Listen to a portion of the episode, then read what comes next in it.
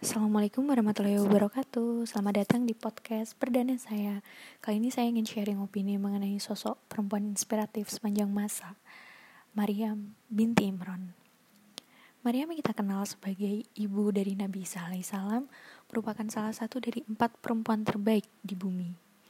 Bagi saya, Maryam adalah sosok yang inspiratif Bahkan lebih inspiratif daripada seorang pemimpin perempuan. Melalui Maryam, Allah memberikan salah satu gambaran bagaimana menjadi perempuan tangguh dalam Islam. Mengapa disebut perempuan tangguh, padahal Maryam sendiri bukan ratu yang berkuasa? Sebenarnya ada empat poin mengapa Maryam pantas menyandang gelar tersebut.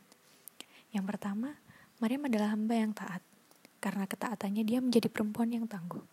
Dia beribadah dengan tulus, ikhlas tanpa membiarkan materi dunia, tanpa ketakutan hingga Allah sangat sayang kepadanya hingga Allah beri banyak berkah yang tak ternilai padanya. Seperti pada suatu hari, Nabi Zakaria mengetahui bahwa banyak makanan di kamar Maryam, padahal Maryam tidak pernah keluar dari mihrabnya dari kamarnya. Bahkan orang yang berada di dekatnya pun bisa mendapat berkah tersebut. Betapa sayangnya Allah pada Maryam. Hingga tertulis di Al-Quran surat Ali Imran ayat 42 yang mana artinya berbunyi, Wahai Maryam, sesungguhnya Allah telah memilihmu, menyucikanmu dan melebihkanmu di atas segala perempuan di seluruh alam. Maryam merupakan satu-satunya perempuan yang namanya ada di dalam Al-Quran dan diabadikan menjadi nama surat. Kemudian, yang kedua, Maryam adalah sosok perempuan yang sabar. Ini adalah salah satu ciri perempuan yang tangguh bahwa dia adalah sabar, tidak mudah marah, tidak mudah tersulut amarah. Seperti cerita ketika Maryam hamil dan melahirkan Nabi Salam, tidak sedikit orang yang mencacinya dan menuduhnya dengan tuduhan yang buruk. Dan saat ketika melahirkan pun, ia kesusahan, kesakitan, dan Allah menyuruhnya untuk menggoyangkan pohon kurma dan dalam kondisi yang tidak baik-baik saja tersebut, ia melakukannya tanpa berpikir lagi. Kita bisa membayangkan betapa sabar dan taatnya. Ketika dalam kondisi yang tidak memungkinkan untuk kita bahkan menggerakkan tubuh kita dalam kondisi akan melahirkan, dalam kondisi sangat sakit.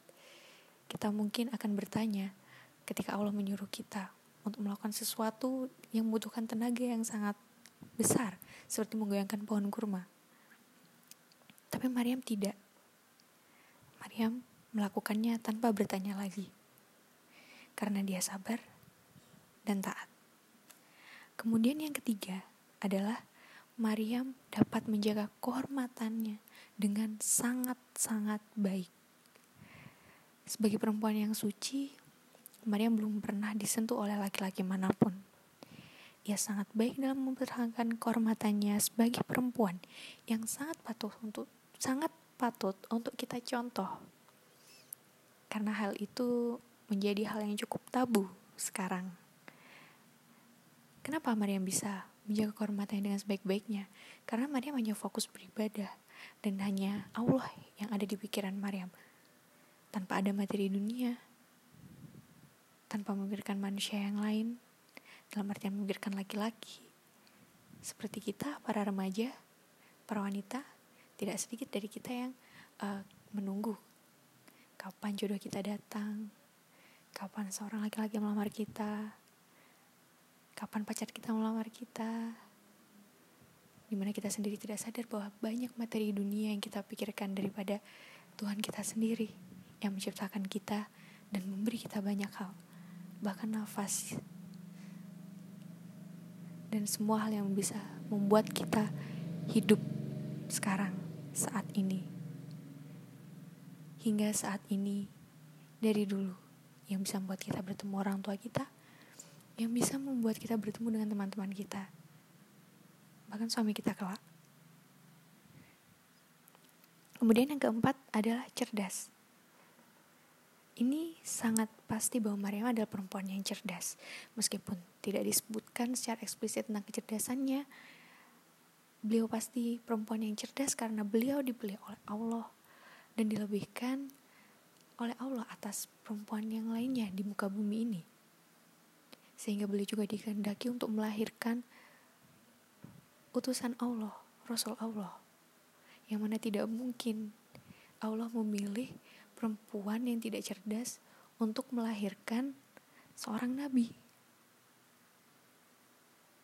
Jadi, dapat disimpulkan bahwa Maryam sangat patut untuk menjadi teladan bagi kita perempuan di masa kini, masa dulu, masa yang akan datang. Karena Maryam adalah perempuan yang taat, sabar, menjaga kehormatan dengan baik, dan juga cerdas.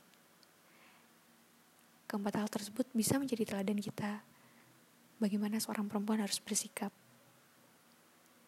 Jika ada pertanyaan, kan Maryam itu hidup di zaman dulu, kita tidak kita hidup di zaman sekarang, kita tidak bisa menirunya dengan selalu berada di dalam rumah, terkungkung, berada di dalam mihrab, di dalam kamar. Bagaimana kita berkarya? Padahal kita membutuhkan untuk keluar rumah ketika kita ingin berkarya. Jadi susah menjadi seperti Maryam. Siapa bilang?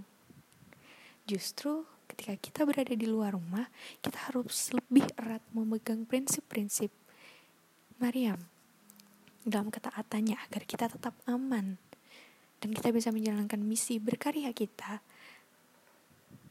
dan tetap diridhoi oleh Allah. Islam tidak melarang perempuan keluar rumah.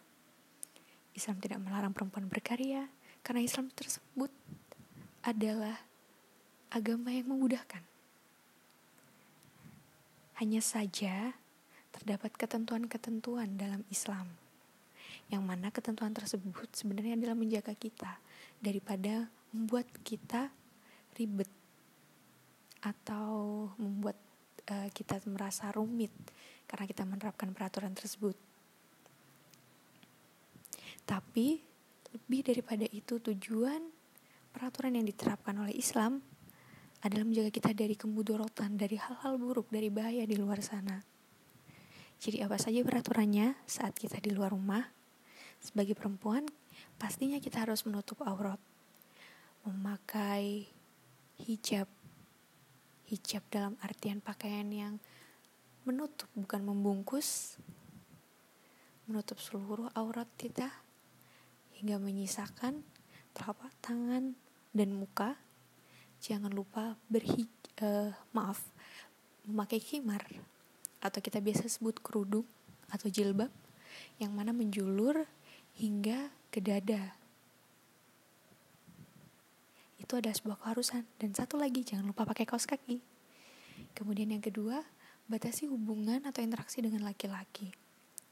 Berkomunikasi dengan rekan itu penting memang.